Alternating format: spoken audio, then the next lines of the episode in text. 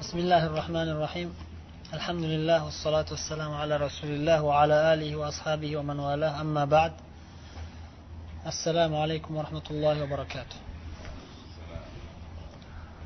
رياض الصالحين kitobidan o'tayotgan darsimizni davom ettiramiz ellik ikkinchi hadisga kelib to'xtagandik وعن أبي يحيى أسيد بن حضير رضي الله عنه أن رجلا من الأنصار قال يا رسول الله ألا تستعملني كما استعملت فلانا؟ فقال إنكم ستلقون بعدي أثرة. فاصبروا حتى تلقوني على الحوض. متفق عليه. وسيد بن حضير رضي الله عنه أبو يحيى أنصاري لردن بكشيان إن مشهور أنصاري صحابي لردن إن ألوغ صحابي لردن وسيد بن حضير. Hmm. Roziyallohu anhu eng birinchi ansoriylar ichida eng birinchi islom kirganlar ichidan hisoblanadi bu kishi. Ham boshlanishida musab ibn umayr roziyallohu anhuni qo'llarida islom kirganlar shu kishi rivoyat qiladilar. Ansoriylardan bo'lgan bir kishi rasululloh sollallohu alayhi vasallam kelib aytdiki ey rasululloh meni ham amir qilib ishga olmaysizmi? Falonchini ishga olganingizday dedi. Amirlikka qiziqdi ya'ni rahbarlikka. Insonda bor o'zini. Meni menga topshiring shu ishni men qilib beray shu ishni deb qiziqib turadi inson. Ko'pchilikda inson tabiatida ko'pchilikda bor narsa. Rahbarlikka qiziqish. Shuning uchun ham bu narsadan qattiq ogohlantirilgan. Yani rahbarlik hadisda keladi bu yerdagi hadisdan tashqari boshqa hadislarda ham aytganlar bu omonat va qiyomat kuni xorlik va nadomat deganlar. Ya'ni rahbarlik bu og'ir omonat. Bu dunyoda omonat mas'uliyati juda og'ir deganlar. Rahbar bo'lish oson emas juda qiyin mas'uliyat deganlar. Lekin oxiratdachi oxiratda xorlik va nadomat deganlar ya'ni rahbar odamni e, hammani oldida sharmanda qilinadi. Sizlarni rahbaringlar bo'lgan shu odam sizlarga anaqa zulm qilganmidi nima qilgandi hamma buni ustidan rahbar bo'ladi. Ha? Bu dunyoda siz misol uchun o'nta odamga rahbar bo'lgan bo'lsangiz qiyomat kuni o'nta odam sizni ustingizdan rahbar bo'ladi. Hammasini haqqi qolib ketgan bo'ladi sizni mumkin ya'ni qolib ketgan bo'lish ehtimoli kuchli bo'ladi. Bittasida bittasiga zulm qilmagan bo'lsangiz ham qolgan yana bittasiga kimgadir zulm qilib qo'yasiz baribir. Bilmasdan. Bilmasdan qilib qo'ysangiz ham u odam kechirmasligi mumkin. Qiyomat kuni keyin haqqini qattiq talab qilsa sizga xo'rlik bo'ladi. Qiyin bo'ladi.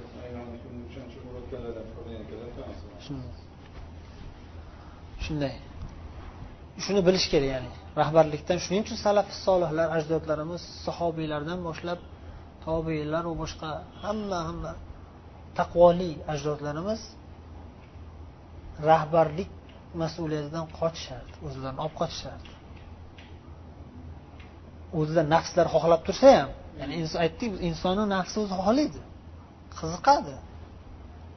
Chunki ko'p narsalar sizga alohida bo'ladida alohida bu kishi rahbar bu deb turib alohida muomala bo'ladi sizga inson nafs xohlaydi lekin taqvosi kuchli insonlar nafsini rad qilib nafsini rad qilib havoyi nafsiga quloq solmasdan taqvosiga qalbiga iymoniga e'tibor qarab oxiratini o'ylab o'zini olib qochaveradi nafsini jilovlab olgan siz aytgandek bemalol boshqara oladigan darajada iymoni kuchli bo'lganlar rahbarlikdan qochadi.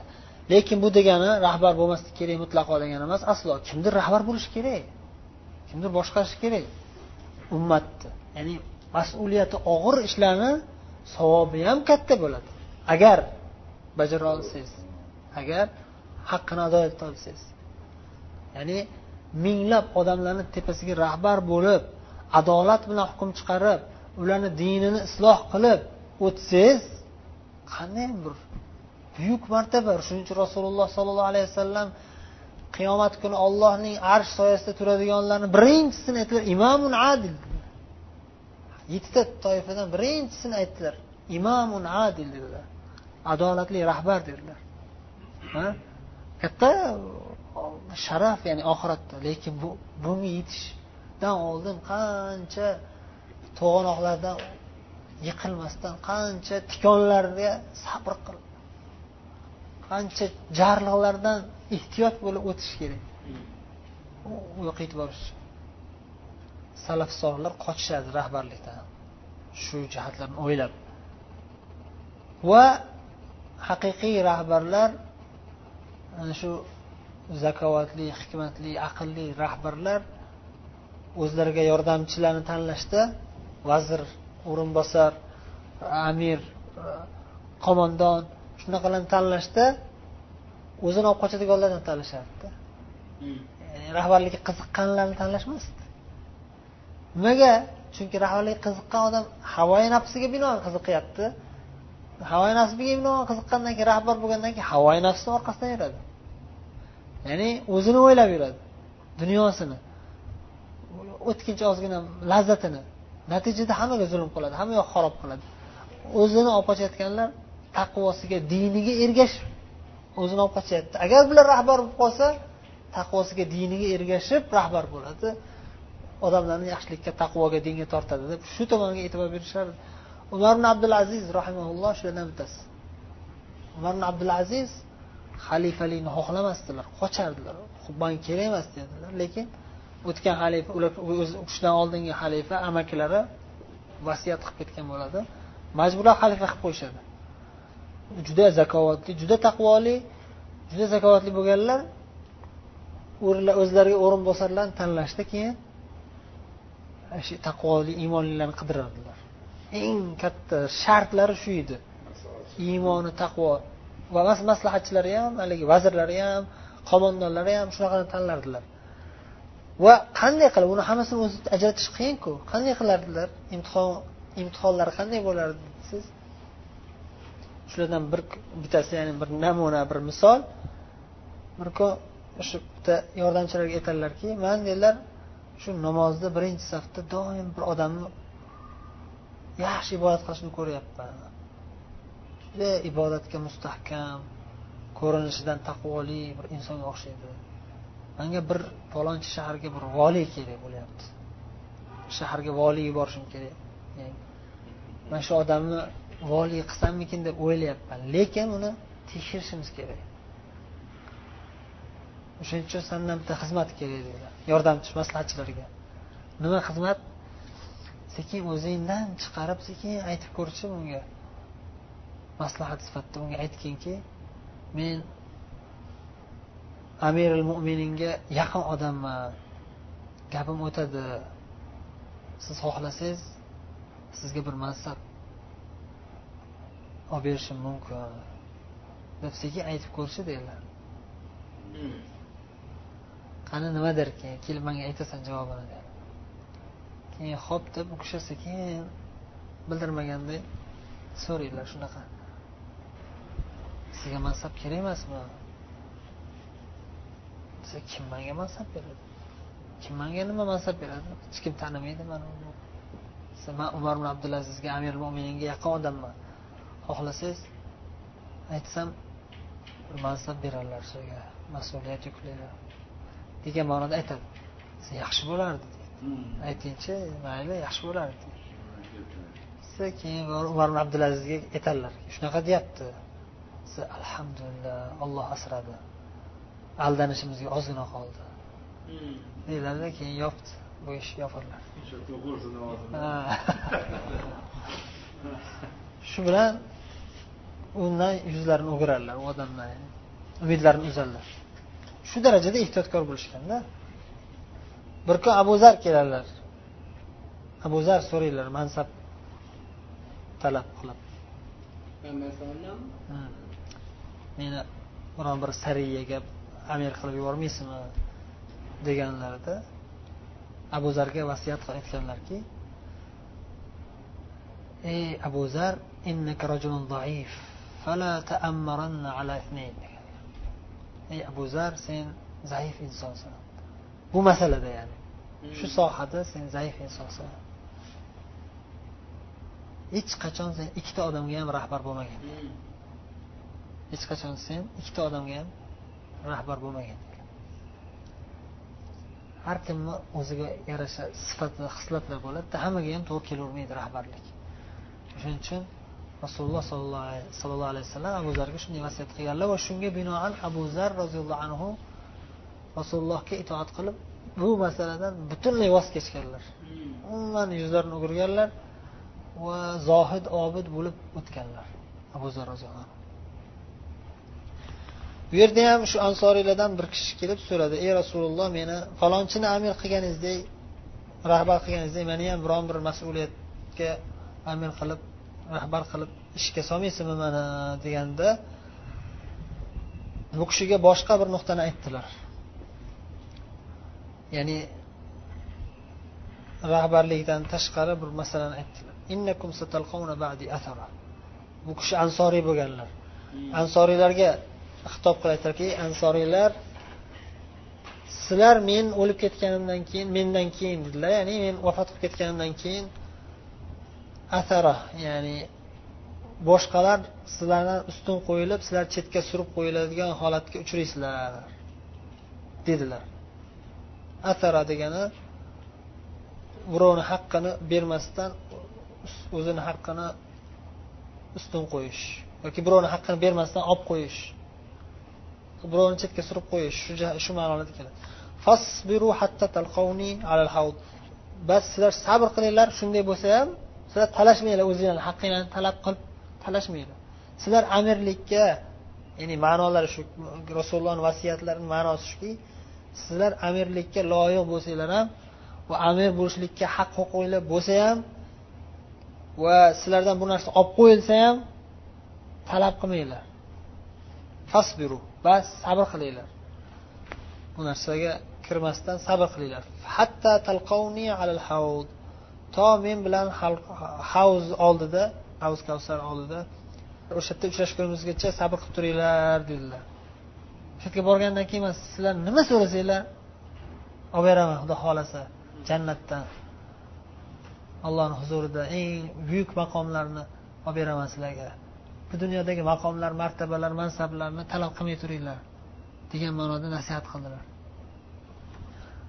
Ansoriylarga allohni hikmati bo'lgan haqiqatda ansoriylar chetga surib qo'yilgan ularga xalifalik tegmagan. Bo'lmasa ular madina ahli edi. Shuning uchun hatto birinchi boshlanishda talab ham qilishadi amirlikni.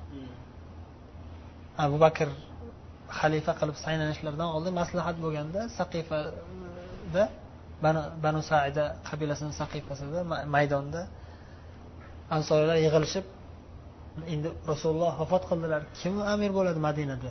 Boshliq kim bo'ladi? Hamma kimga itoat qilish kerak degan masalani maslahat qilib turishganda bu yoqdan abu bakr umar abu ubayda bir qancha muhojirlar kelishadi birodarlar. Kelishib ansorlar oldiga. Suhbatga keyin maslahat bo'ldi o'sha yerda. O'sha yerda bizdan amir bo'lsin. Madina egasi madina ahli madina egalari bizdek ha? Ansoriylar shunaqa degan ma'noda aytishadi. Shunda abu bakr aytadilarki bu yerda masala faqat madina masalasi emas. Butun arab qabilalari bor. Arab qabilalari avvaldan faqat qurayishga itoat qilib kelgan. Qurayishdan tanlanmasa boshqa arab qabila itoat qilmaydi fitna bo'ladi. Sizlar bitta ansoriylar ya'ni avs hazraj ya'ni ular avs hazraj qabilasi bilan cheklanadigan ish emas madinada. Chetlanib qoladigan masala emas. Butun arab jazirasi fath qilingan. U arab jazirasida har xil qabilalar bor. Hammasi bir birisiga e, itoat qilmaydi. Illo quraysh. Nimaga quraysh? Chunki ular kabatulloh. Ahli bo'lib kelgan necha yuz yillardan beri payg'ambarimiz davrlarigacha ya'ni ibrohim alayhissalom davrlaridan boshlab payg'ambar davrigacha muhammad sallallohu alayhi vasallam davrlarigacha makka ahli ya'ni quraysh qabilasi makka ahli bo'lib kelgan. Kabatulloh rahbari bo'lib kelgan ular. Bizni qiblamiz qayer kabatulloh. Ya'ni biz kabatullohga qiblaga qarab namoz o'qiydiganlar musulmonlar hammamiz bo'lganimizdan keyin va arablar kabatulloh egasi quraysh deb miyasiga o'tirib qolgandan keyin biz fitnani oldini olishimiz kerak. Ya'ni boshqa arab qabilalari hammasi e, hozir bu islom dini ibrohim dini muhammad dini bitta narsa va qadimdan quraysh boshqarib kelgan muhammad ham qurayshdan edi. Biz itoat qilib kelardik. Endi sizlar nimaga o'zgartirdinglar nimaga avuz hazrat aralashtirdinglar? Ha? Nimaga avuz avuz hazrat aralashtirib boshliqni ulardan qilib qo'ydinglar? Biz itoat qilmaymiz biz qurayshdan olamiz. Boshqani itoat qilmaymiz biz shu nimaga? Chunki quraysh boshqarib kelgan qurayshga olloh berib qo'ygan qurayshga indamay olloh hatto fil bilan bostirib kelganda ham olloh qurayshni himoya qilgan. Kabatulloh ahlini himoya qilgan. Biz qurayshdan boshqasiga itoat qilmaymiz degan narsa bo'ladi. Shu ma'noga shu ma'noga ishora qildilar abu bakr. Shundan keyin ansoriylar tushunishdi to'g'ri tushunishdi. Bunday o'ylash qarashda haqiqatda masala madina masalasi emas bu yerda. Butun ummat masalasi. Ketyapti. O'ylashdi bo'lmasa nima qilamiz? Bo'lmasa sizlardan bitta amir bo'lsin bizdan bitta amir bo'lsin deyishdi ansoriylar yana ya'ni madinada e, bu madina bizniki degan narsa ichlarida borda inson tabiatda bor narsa vatan biznikiku degan narsa. O'sha narsa yana ikkinchi bosqich qoldi. E, O'shaning uchun ikkinchi bosqichda aytishdi shuni. Ikkita amir bo'lsa bittasi madinadan ya'ni ansoriylardan bo'lsa bittasi qurashdan bo'lsa mayli deyishdi muhojirlardan. Shunday qilaylik bo'lmasa shu unda ham bo'lmaydi dedilar. Odamlar qanaqasi qaysi biri rahbar? Rahbar bitta bo'ladi ikkita bo'lmaydi. U hech qachon qabul qilmaydi odamlar bu narsani ham. Bitta bo'lishi kerak. Man sizlarga maslahat beraman mana umar yoki abu ubaydaga bayat beringlar. Bular o'sha quraysh qabilasidan bular payg'ambarimiz guvohlik bergan va payg'ambarimiz shulardan rozi bo'lib ko'p maqtagan insonlar bular. Yo umar yo abu ubayda. Sizlarga maslahatim shu ya'ni asosan shu eng payg'ambarga eng yaqin bo'lgan odamlar ishonchli odamlar hamma ular abu umar desa hamma ishonadi. Ey umar haqiqatda umar yarasha shunga yaraydigan inson deb tan oladi. Nimaga chunki umar doim payg'ambar yonida yurgan deb biladi. Abu ubayda u ham doim payg'ambar yonida yurgan ham qurayshdan deb biladi. Degan ma'noda taklif qildilar. Taklif qildilar umar darhol aytdilarki man tirik ekanman hech qachon man abu bakr bor bir odamlarga abu bakr bor joyda hech qachon man amir bo'lmayman. Abu bakr ustun turadi birinchi o'rinda turadi. Buni hamma biladi. Bering abu bakr qo'lingizni man sizga bayat berdim. deb turib darhol abu bakrga bayat berdilar. Keyin hamma ansoriylar ham e, orqalaridan abu ubayda hamma ansoriylar abu bakrga bo'ldi. Masala hal qilindi tugadi. Nimaga? Tez hal bo'ldi. Chunki hammalari bilishadida abu bakrni. Ya'ni boshida o'zi abu bakr gapirib mulohaza bildirayotgandilar hamma quloq soldi o'zi o'shandan ma'lum o'zi. Ya'ni nima uchun abu bakr e'tiroz bildirib abu bakr mulohaza bildirib abu bakr fikr bildirganda ansoriylar quloq solib turibdi? Nima uchun? Chunki hamma biladi o'zi abu bakrni darajasini. Abu bakr eng yaqin inson bo'lganlar. Va hatto rasululloh sollallohu alayhi vasallam xotirjam bo'lganlarki aytganlarki o'lishlaridan oldin. Ya'ni aytdilarki manga kitob olib kelinglar man mandan keyin kim bo'lishini yozib bering sizlarga ixtiloflashib qolmanglar ixtiloflashib qolmasliklari uchun. Dedilarda keyin mayli kerak emas dedilar. Qog'oz kerak emas mayli dedilar. Hojati yo'q dedilar. Nimaga? Chunki ya balloh o'zi olloh va o'zi mo'minlar o'zi abu bakrdan boshqasiga bosh tortishadi. Faqat abu bakrga rozi bo'lishadi dedilar. Sahih hadisda. Demak o'sha e, abu bakr roziyallohu anhuni hammalar bilishardi. Hammalar bir og'izdan boshda insoniylik jihati tortib abu bakr oldilarida kelmasdan ya'ni oldida ko'rmagan odam darrov esga tushmaydida keyin kelganlardan abu bakr kelayotganini ko'rishgandan keyin abu bakr kelyapti umar abu ubayda hammalari keyin kelinglar birodarlar kutib birga maslahatlashishdi va o'zlariga kelishdi. Ya'ni boshida sal insoniylik jihatga tortib ketishgandi. Lekin keyin rozi bo'lib abu bakrni ustun qo'yishdi. O'zi aslini olib qaraganda o'zi aslida aslida. Ya'ni abu bakr yoki umar qurayshdan bo'lganligi uchun xalifa bo'lishi kerak degan gap yo'q shariatda. Abu bakr chunki eng ulug' iymoniy jihatdan taqvo jihatdan ilm jihatdan eng afzal bo'lganligi uchun xalifa bo'lishi kerak. Aslida. Shuning uchun ham o'zi shunga ham bayat berishdi. Boshida boshqa masalalar aralashgan bo'lsa ham keyin o'zlari kelganlarida bu narsa hammasi chekkaga chiqib ketdi. Abu bakr tanlashdi nimaga? Chunki eng taqvoli eng ilmli deb bilishganligi uchun bayat berishdi. O'zi shariat o'zi aslida shunga buyuradi. Lekin abu bakr aytgan gaplar ham to'g'ri gap. Ya'ni arablar qurayshdan bo'lmasa rozi bo'lmaydi degan gap to'g'ri gap. Voqeidagi to'g'ri gap ya'ni shar'iy jihatdan emas o'zi aslida shar'iy jihatdan kelsangiz qurayshiy xalifa bo'lishi shart degan narsa yo'q afzaliyati u odamlarni holatiga qarab. Kelmaysiz odamlarga ular qabul qilmaydigan odam olib kelsangiz fitna bo'ladi qon to'kish bo'ladi. Shar'iy jihatdan shu bu narsalarga e'tibor beriladi. Xullas keyin ansoriylar shunday bo'lgan. Payg'ambarimiz sollallohu alayhi vasallam o'tib ketganlaridan keyin quraysh qabilasi xalifalikni olishgan. Qurayshdan bo'lib kelgan boshida qurayshligi uchun emas diniy uchun bo'lgan bo'lsa ham xulafa roshidindan keyin bu narsalar zaiflashgan. Asosan quraysh qabilasi bo'lganligi uchun ustun qo'yilish bo'lgan qurayshdan boshqa qabilalar ikkinchi darajaga surib qo'yilgan. Keyingi kelgan xalifalar davrida. Shu narsaga ishora qilib aytganlar payg'ambarimiz sallallohu alayhi vasallam. Abu bakr va xulafa roshidinlar davrida unday bo'lmagan. Ular diniga qarab tanlashardi. Abu bakr umar usmon ali bular diniga qarab tanlab amir qilishardi. Lekin ulardan keyin kelganlar qurayshdan tanlashardi ko'proq va ansoriylarni sal ikkinchi darajaga qo'yishgan.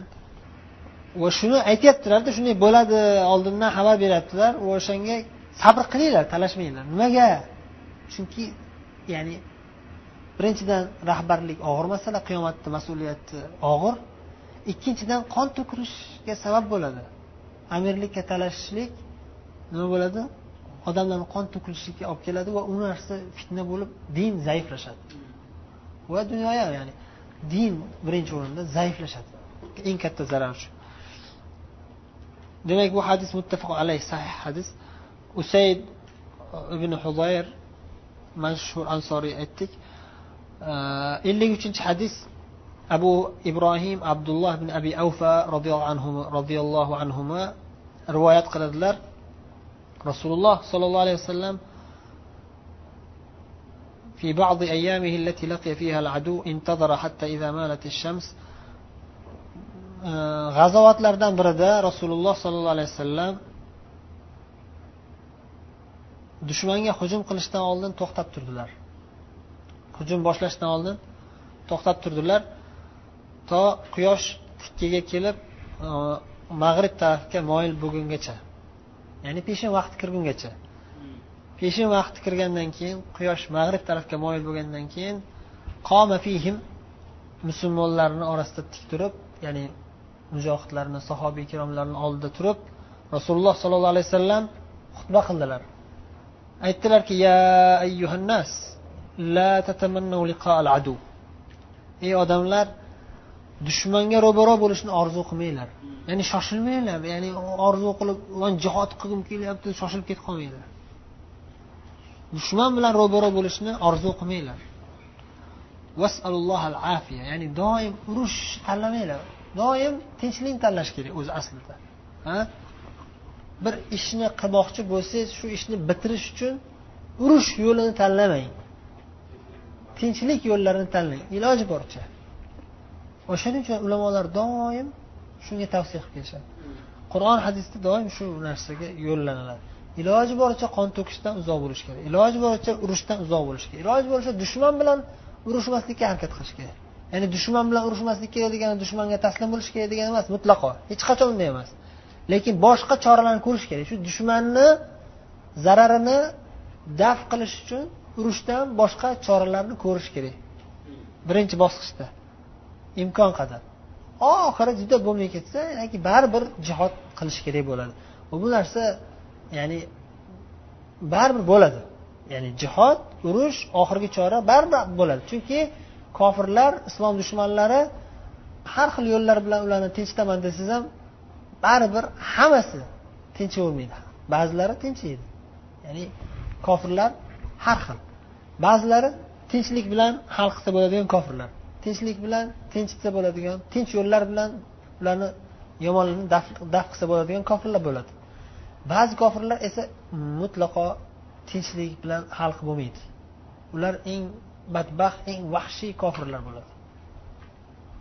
Nima qilib bo'lsa ham islomni yo'qotish kerak nima qilib bo'lsa ham musulmonlarni qirish kerak ular bilan hech qachon tinchlik sulh qilmaslik kerak tinchlik yo'lini tanlamaslik kerak deb turadigan kofirlar bo'ladi baribir.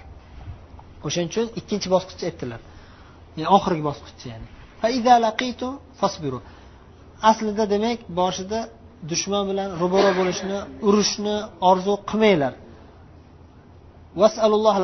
Allohdan doim ofiyat tilab turinglar.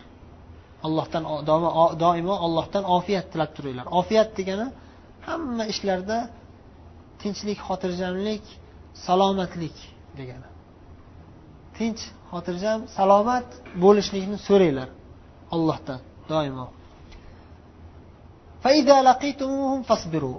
Agar dushmanlar bilan ro'baro bo'lib urushga urush qilishga to'g'ri kelib qolsa fasbiru urushda sabr qilinglar ya'ni urush qilmasdan sabr qilinglar emas urush qilib sabr qilinglar. Urushdan qochmanglar jihoddan qochmanglar dushmandan qo'rqmanglar urushinglar. Jihod maydonida sobit qadam turib sabr qilinglar. Valamu annal jannata tahta shuni bilinglarki jannat qilichlarning soyalari ostida qilichlarning soyasi ostida. Nima degani bu? Jannat qilichlarning soyasi ostida degani ya'ni jihod maydonida shahid bo'lib ketishlikda. Yoki jihod maydonida qilichlar soyasi ostida ya'ni qilichlar tepadan aylanib o'tyapti o'limdan qo'rqmasdan siz jihod qilyapsiz e demak siz jannatga qarab ketyapsiz. Jihod maydonidagi qilichlarni ostida bombalarni raketalarni ostida qo'rqmasdan jihod qilyapsiz demak siz jannatga qarab ketyapsiz. Nabiy sallallohu alayhi vasallam keyin rasululloh sollallohu alayhi vasallam urushga kirishdan oldin duo qilib alloh taologa iltijo qilib aytdilarki allohumma munzil kitob va mujriy sahab va hazim al ahzab ihzimhum vansurna alayhim. Ey ollohim kitobni o'zining samoviy kitobini nozil qilgan zot ya'ni al kitob allohning kitobi deganda hammasi kirib ketadi. Al istig'roq deyiladi. Ya'ni hamma kitoblarni o'z ichiga oladigan ya'ni allohning samoviy kitoblari hammasi kirib ketadi. Ya'ni asliylari asli kitob tavrot aslida nima? Allohni kitobi. Lekin keyin yahudiylar uni buzib tashlagan. U buzib tashlangan kitob u hisob emas asl kitob ollohni kitobi. Tavrot injil ollohni kitobi. Zabur ollohni kitobi. Va biz bilmagan boshqa ollohni kitoblari bo'lgan. Va qur'oni karim eng ulug' eng buyuk kitobi. Ollohni olloh ey olloh kitobni nozil qilgan o'zining samoviy kitoblarini nozil qilgan ey olloh va mujriya sahab bulutlarni yurg'izuvchi zot bo'lgan zot olloh bulutlarni yurg'izuvchi bo'lgan zot ey olloh va hazimal ahzab kofirlarning jamoalarini jamoa jamoa to'p to'p kofirlarni mag'lubiyatga uchratuvchi zot. Ey olloh deb iltijo qilib aytdilarki ehzimhum bu kofirlarni o'zing mag'lub qilgin. Bu kofirlarni o'zing mag'lubiyatga uchratgin. Vansurna alayhim bizga ularning ustidan g'alaba bergin. Bizni ularning ustidan g'olib qilgin dedilar va jihodni boshladilar. Va demak bu hadisdan olinadigan asosiy foydalardan ba'zilarini qisqacha aytadigan bo'lsak aytamizki birinchi o'rinda doimo dushmandan uzoq bo'lish kerak. Kofirlardan uzoq bo'lish kerak. Va tinch yo'llar bilan islomni aziz qilib islomni oliy qilib ollohni kalimasini oliy qilishga harakat qilish kerak tinch yo'llar bilan. O'zingizni tinchligingizni o'ylab emas. Aslo. Biz tinchlik bilan hal qilinglar iloji boricha. Urushdan ehtiyot bo'linglar urushdan uzoq bo'linglar deyishimiz ya'ni sizlar tirik qolishib dunyoda yashab qolinglar. Dunyoni ne'matlarini yeb qolinglar maza qilib qolinglar degan nuqtai nazardan emas aslo. Balki odamlarni qutqarish uchun. Ya'ni ana shu kofirlarni o'ldirib yuborgandan ko'ra o'shalarga islomiy da'vatni tinch yo'llar bilan yetkazib o'shalarni musulmon qilib jannatga kirgizsa yutuqda bu. Bizga shu kerak o'zi aslida. La yahdiyallohu bika rajulan vahidan al hadis ya'ni biz tufayli kofir eng ashaddiy kofir bo'lsa ham biz tufayli islom kirib qolsa katta yutuq bu. Butun dunyo ne'matlaridan yaxshi narsa bu. Shuning uchun tinch yo'llar bilan islom da'vatini yetkazib islomni oliy qilishni harakati qilishimiz kerak islomni oliy qilishga harakat qilishimiz kerak. Birinchi foyda demak. Ikkinchisi duo qilib turish kerak doim. Faqatgina gap o'zi bo'lmaydi. Doim allohga iltijo qilib turish kerak. Ya'ni urushdan ehtiyot bo'lib bo'laverish o'zi kifoya emas. Urushdan ehtiyot bo'lishlikni choralaridan bittasi duo qilib turish kerak. Esalulloha al afiya doim allohdan duo qilib turing uchinchi nuqta baribir jihod bo'lishi kerak. Uchinchi foyda baribir jihod bo'ladi. Ya'ni aytganimizdek kofir hammasi bir xil emas. Baribir vahshiy badbaxt e, qonxo'r islom dushmanlari bo'ladi. Ularga qarshi urush chorasidan boshqa chora yo'q bo'ladi. Qatl qilish chorasidan boshqa chora qolmaydi. Shunda sobit qadam turib jihod qilish kerak bo'ladi. To'rtinchi foyda jihod eng ulug' ibodatlardan jannatga olib kiradigan eng buyuk ibodatlardan. Shahid bo'lmaysiz ham. Shahid bo'lmasdan g'olib bo'lsangiz ham ey man shahid bo'lmay qoldim endi ulug' maqomga yetisholmay qoldim deb turib umidsiz bo'lib qolmang. Siz jihod qilganingiz uchun ham juda buyuk savoblarni olib inshaalloh jannatga ketyapsiz. Yana asosiy foydalardan biri jihod maydonida ham duoni to'xtatmaslik kerak. Ba'zi odamlar duo qilib o'tiraverasizlarmi deb turib duoni qadriga hurmatsizlik qilib qo'yadi ba'zilar. Duoni qadri juda ham baland juda ham buyuk juda ham zarur duo masalasi. Doim duo qilib turish kerak. Tinchlikda ham duo qilib turish kerak urush maydonida ham duo qilib turish kerak. Shuning uchun rasululloh sollallohu alayhi vasallam urushga kirishdan oldin ham urush maydonida turib duo qildilar. Ey olloh o'zing nusrat bergin deb. Oyatda siz aytgan narsa oyatda kelgan va bu yerda hadisda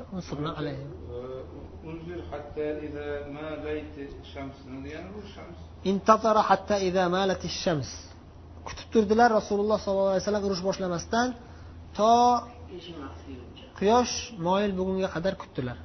Ya'ni tikkaga keldi quyosh tikkaga kelib mag'rib tarafga keyin sal moyil bo'ldi.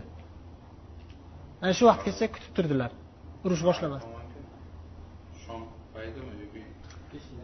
mag'rib tarafga ya'ni quyosh botar tarafga degani.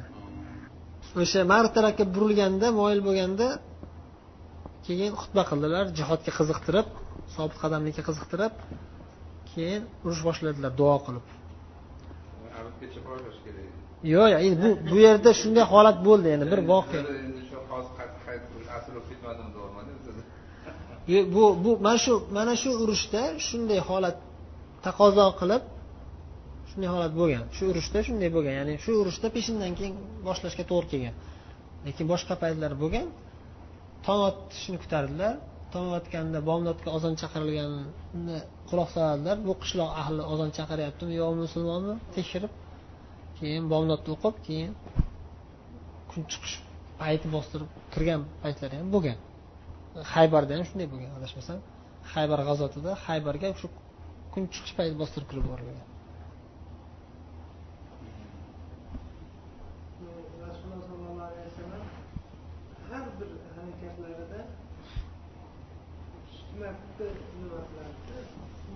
Urush maydonida jang maydonida g'alabaga olib keladigan har bitta nuqtani iloji boricha qiladi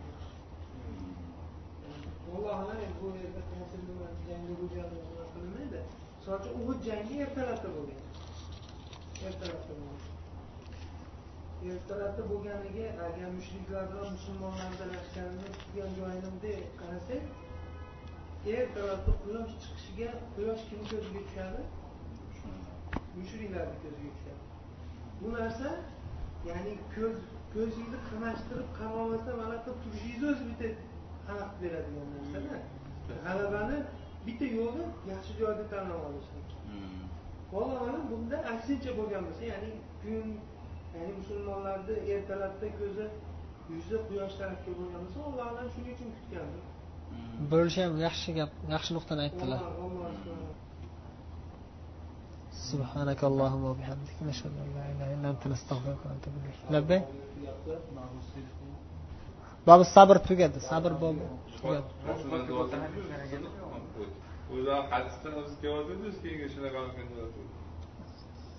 sabr qilish deganda ham faqat u tepasida u kelibdida bunni oldingi oldingi dars o'qiganmiz nima qilmaslik amirga duo qilish nima bo'lsa ham sabr qilib turish hamma narsa- o'tgan safar kelmadingizda safarda edinglar shekilli yo'q yo'q qilgan safarlar bor ediku o'shanda keldiku shu nima bo'lsa ham sabr qil o'shanga loyiq noloyiq ish qilsa ham amalga itoat qilib turgin degan hadis. O'tgan safar shahladikku shuni esingizdan chiqib qoldi shahradik baribir agar sharqsiz bo'lsa juda bir nima bo'lib qoladigandek sharqsiz. O'shaning uchun ahli sunna va jamoani qoidalaridan bittasi eng asosiy qoidalardan bittasi jam'un nusus al varida fil mas'alatil vahida ya'ni doim bir masalada hukm chiqarishdan oldin. Ana shu masalada kelgan ham ana shu masalaga taalluqli bo'lgan hamma nususlarni hamma dalillarni hammasini jam qilib chiqish kerak. O'shanda ayon bo'ladi. Bir tomondan hukm chiqarilmaydi. Bizlardagilar ham misol suriyadagilar ham mana shu hadisni mana nimaga deysan mana musulmon namoz o'qiyapti nima deydida tepada endi bunisi nima adashgan toifalar bitta hadis ushlab turib boshqasiga qaramaydi. O'shaning uchun adashadi.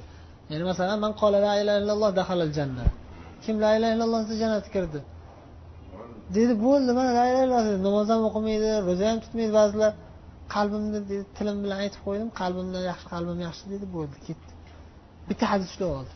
Lekin o'zi aslida la illaha illallohni shartlari bilan aytish kerak amal qilish kerak va havorijlarga kelsangiz ular ham boshqa bitta hadis ushlab oladida ha la yazni zani va huwa mu'min. La yasriqu sariqu hina yasriqu huwa mu'min. Ya'ni zino qilgan odam mo'min holatda zino qilmaydi hech qachon. Ya'ni demak zino qilayotgan odam mo'min bo'lmaydi demak kofir bo'ladi. Nima ekan? Kofir ekan. Zino qilayotgan odam kofirga ala- aroq aroq ichgan odam o'g'irlik qilgan odam hammasini kofirga chiqaradi. Kim? Havorijlar havorijlar takfirchilar. Bitta gunoh qilsa odamni kofirga chiqarib yuboradi nimaga desa mana shu mana shu- mana shunga o'xshagan hadis nususul vaid deydi. Ya'ni ya'ni ahli sunna e'tiqodida aytishadiyu ya'ni qisqacha aytganda nususul vaad bor va nususul vaid bor. Sunnani e'tiqodida shu payt iymon chiqib turadi keyin iymon yengillaverish kerak iymoni chiqib turadi deganda ya'ni iymoni zaiflashib turadi. Mutlaqo iymon chiqib ketib kofir holatda turib zino qiladi emas iymoni iymoni judayam zaif holatda. Iymoni yo'q. Yo'q, shu payt mana qilib iymon o'shancha aytyapmiz iymoni judayam zaif holatda bo'ladi. O'sha payt o'tib qolsa ham musulmon holatda ketgan hisoblanadi. Biz shunday muomala qilamiz. Qalbini bilmaymiz. Lekin zino narsa bormi yangilash? Tavba qilish degan narsa bor lekin yangilash degan yangitdan islom kir deyilmaydi. Tavba qil deyiladi. Gunohdan tavba qil. Yangitdan musulmon bo'l deyilmaydi murtad bo'lsa dindan chiqib ketgan kofir bo'lsa haqiqatda shunday yangitdan tavba qiladi. Sizlarni ham ancha vaqtinglarni oldim ketdi. Alloh rozi bo'lsin. Alloh ajrini bersin. Alloh gunohlarimizni kechirsin. Amin. Amin